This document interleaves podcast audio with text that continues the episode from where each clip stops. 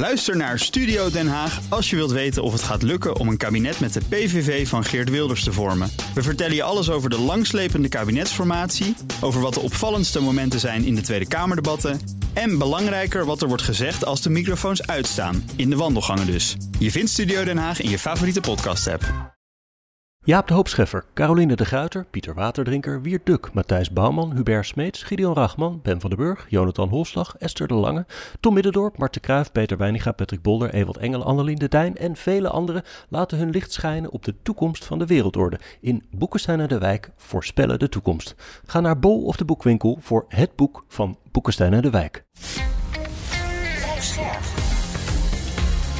BNR Nieuwsradio. Boekenstein en de Wijk. Hugo Reitsma. Welkom bij Boekenstein en de Wijk. Het is dinsdag dag 685 van de oorlog in Oekraïne. En we hebben weer een enorme lijst vragen van jullie binnengekregen. Ik begin gewoon een beetje bovenaan en dan kijken we wel hoe ver we komen, zou ik zeggen. Te beginnen bij uh, Ralf Kolbeek. Die zegt: Vanaf het begin wordt de oorlog in Oekraïne door Poetin gedicteerd. Een rode lijn is geen westerse raket, drone of zelfs kogel mag op Russisch grondgebied terechtkomen. Ondertussen voert Rusland wel Iraanse drones en nu ook Noord-Koreaanse raketten op in Oekraïne. Waarom wordt dit wel geaccepteerd? Dit geeft voor mij de indruk dat Rusland wel mag aanvallen met alles wat het heeft en dat Oekraïne zich niet optimaal mag verdedigen. Waarom heeft het Westen hier geen rode lijn van gemaakt? Nou kijk, als je, stel je voor dat we het wel hadden gedaan, een rode lijn. Dan, ben je dus, dan heb je dus een derde wereldoorlog. Hè? Hm. Dan, dan, dan moet je dus ook echt. Stel je voor dat je zou zeggen van uh, luister eens... Uh, uh, dit, is, dit is een nieuwe rode lijn. Dan moet je daar ook aan houden.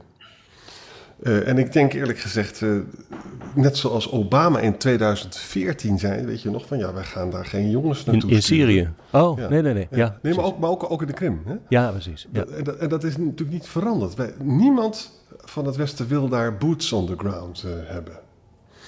Nou ja, dus, het, ja. eens, hè, eens. Maar Rusland is in oorlog met Oekraïne. Dus uh, dan is het ook vrij logisch dat er uh, ook wordt aangevallen vanuit Rusland op Oekraïne. Uh, en dat, dat dat ook gebeurt met wapens die Rusland gekocht heeft. Ja. dus um, die situatie is wel anders. En wat hier gebeurt met Oekraïne, door, niet door de NAVO, de NAVO speelt hier geen formele rol in. maar door de NAVO dan wel de EU-leden, inclusief de Verenigde Staten, is dat daar alleen maar wapens worden geleverd om zichzelf te kunnen verdedigen. En dat is een, dat is een, dat is een heel andere. Ja, ja. Uh, ja, dat is een hele andere situatie. Dus, um, en Arjan heeft natuurlijk helemaal gelijk dat wanneer uh, je dit op een manier gaat doen waarbij uh, Oekraïne met westerse wapens ook nog een keer Russische doelen gaat treffen, althans op Russisch grondgebied, ja, weet je, dan loopt de boel helemaal uit de, uit de klauwen. En dat willen we niet. Mede gezien het feit dat eigenlijk het Westen niet meer in staat is om zichzelf goed te verdedigen. Ja. Het gaat er dus om om je te beheersen. Hè? Dat is wel heel belangrijk bij dit soort dingen. Voordat je het weet zit je in een verschrikkelijke escalatie. Ja. Lijkt me niet verstandig.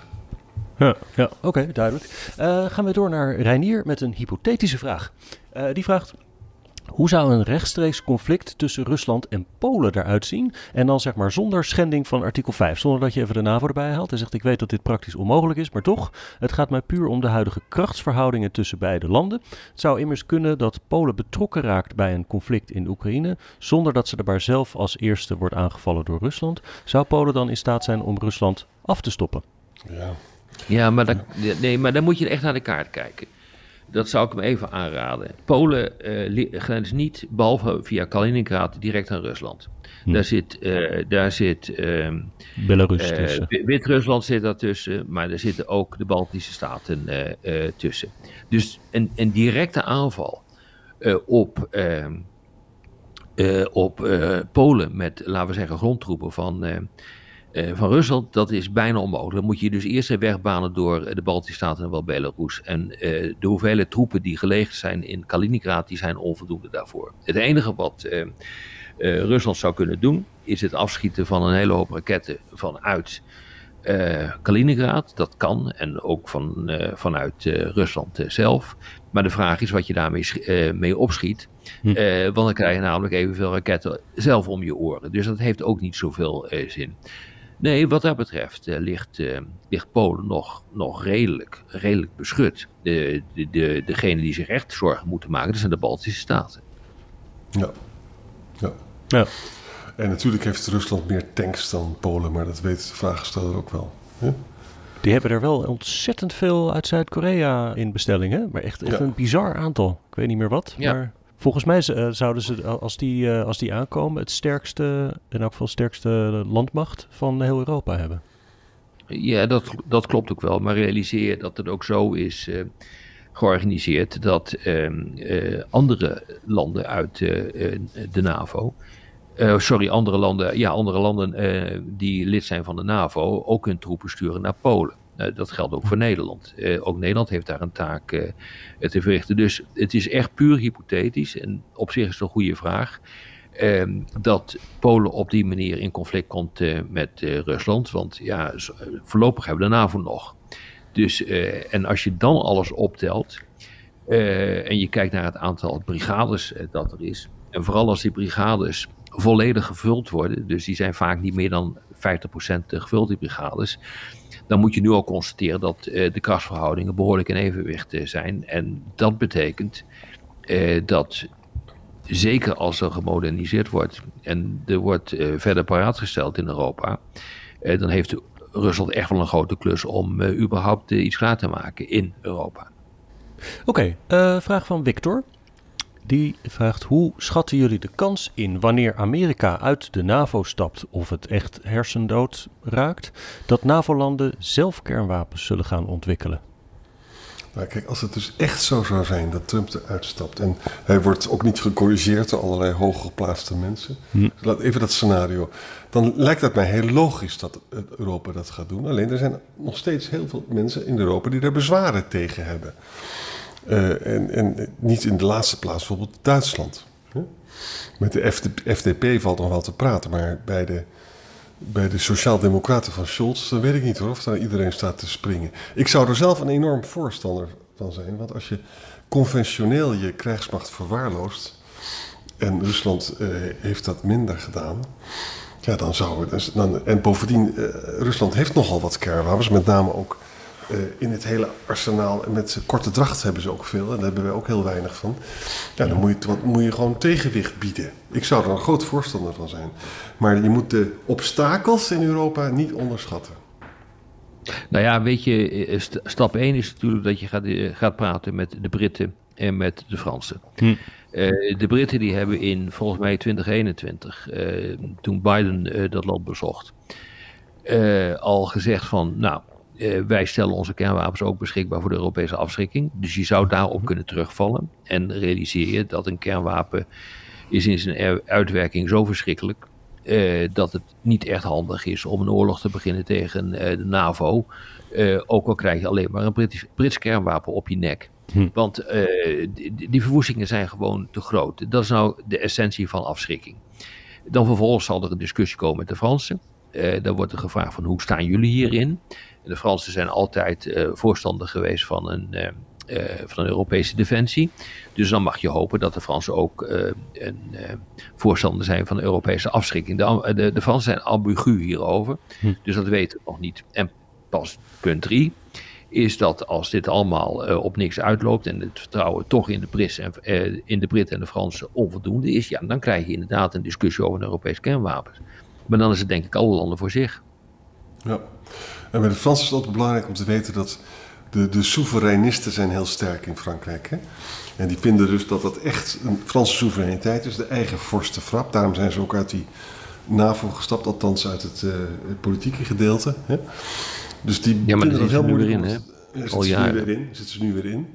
Maar het is ook nu heel bewust ambigu, omdat ze toch, toch en nogal wat uh, Franse militaire experts ook zijn die dat niet, die stap niet willen maken. Die vinden dat dat een Parijse beslissing moet zijn hm. en geen Europese.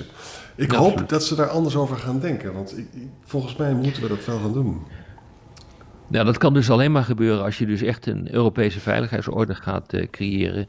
Uh, waarin de, de Fransen een cruciale plaats in gaan nemen. Nou, die discussie gaat absoluut lopen hoor. Dat, dat kan niet anders. Want wat de uitkomst is van het conflict, van um, uh, wat Rusland uh, begonnen is in Oekraïne. Ja, die oorlog heeft een onwaarschijnlijk effect op de toekomstige veiligheidsordening in Europa. Het wordt militairder.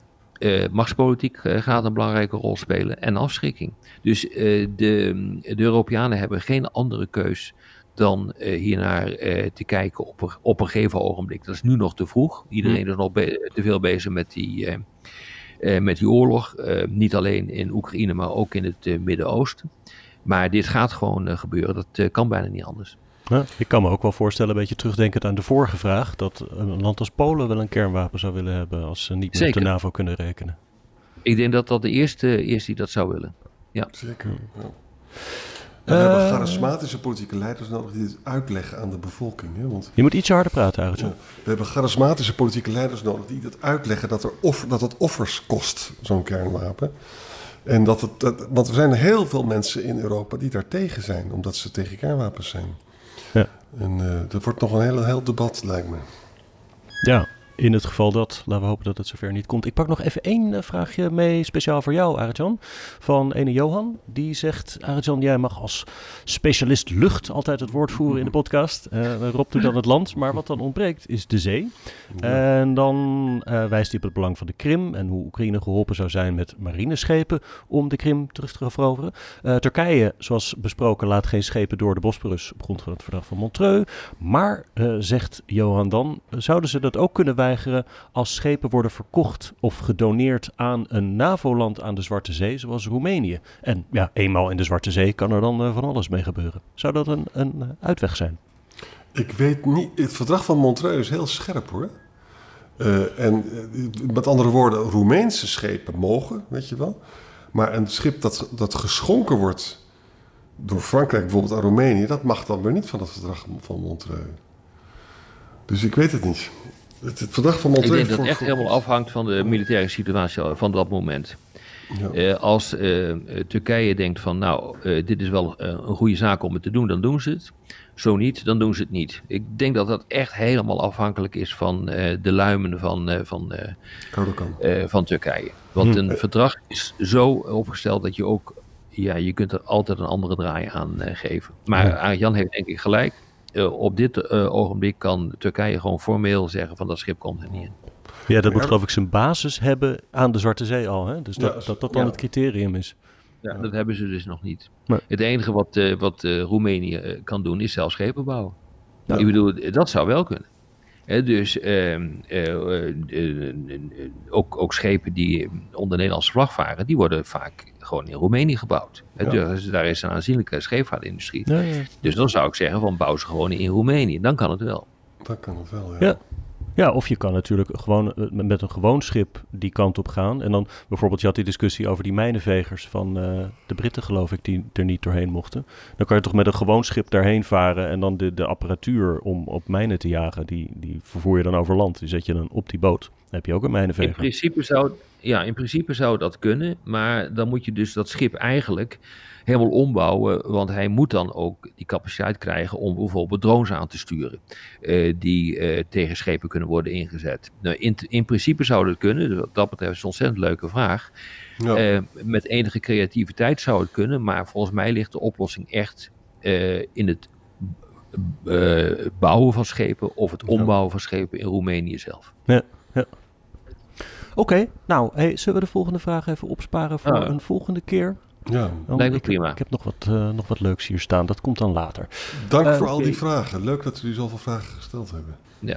Dank jullie wel voor het antwoorden. En tot, tot morgen. morgen. Tot morgen. Ook Bas van Werven vind je in de BNR-app. Ja, je kunt live naar mij en Iwan luisteren tijdens de ochtendspits. Je krijgt een melding van Breaking News. En niet alleen onze podcast Ochtendnieuws, maar alle BNR-podcasts vind je in de app. Download nu de gratis BNR-app en blijf scherp.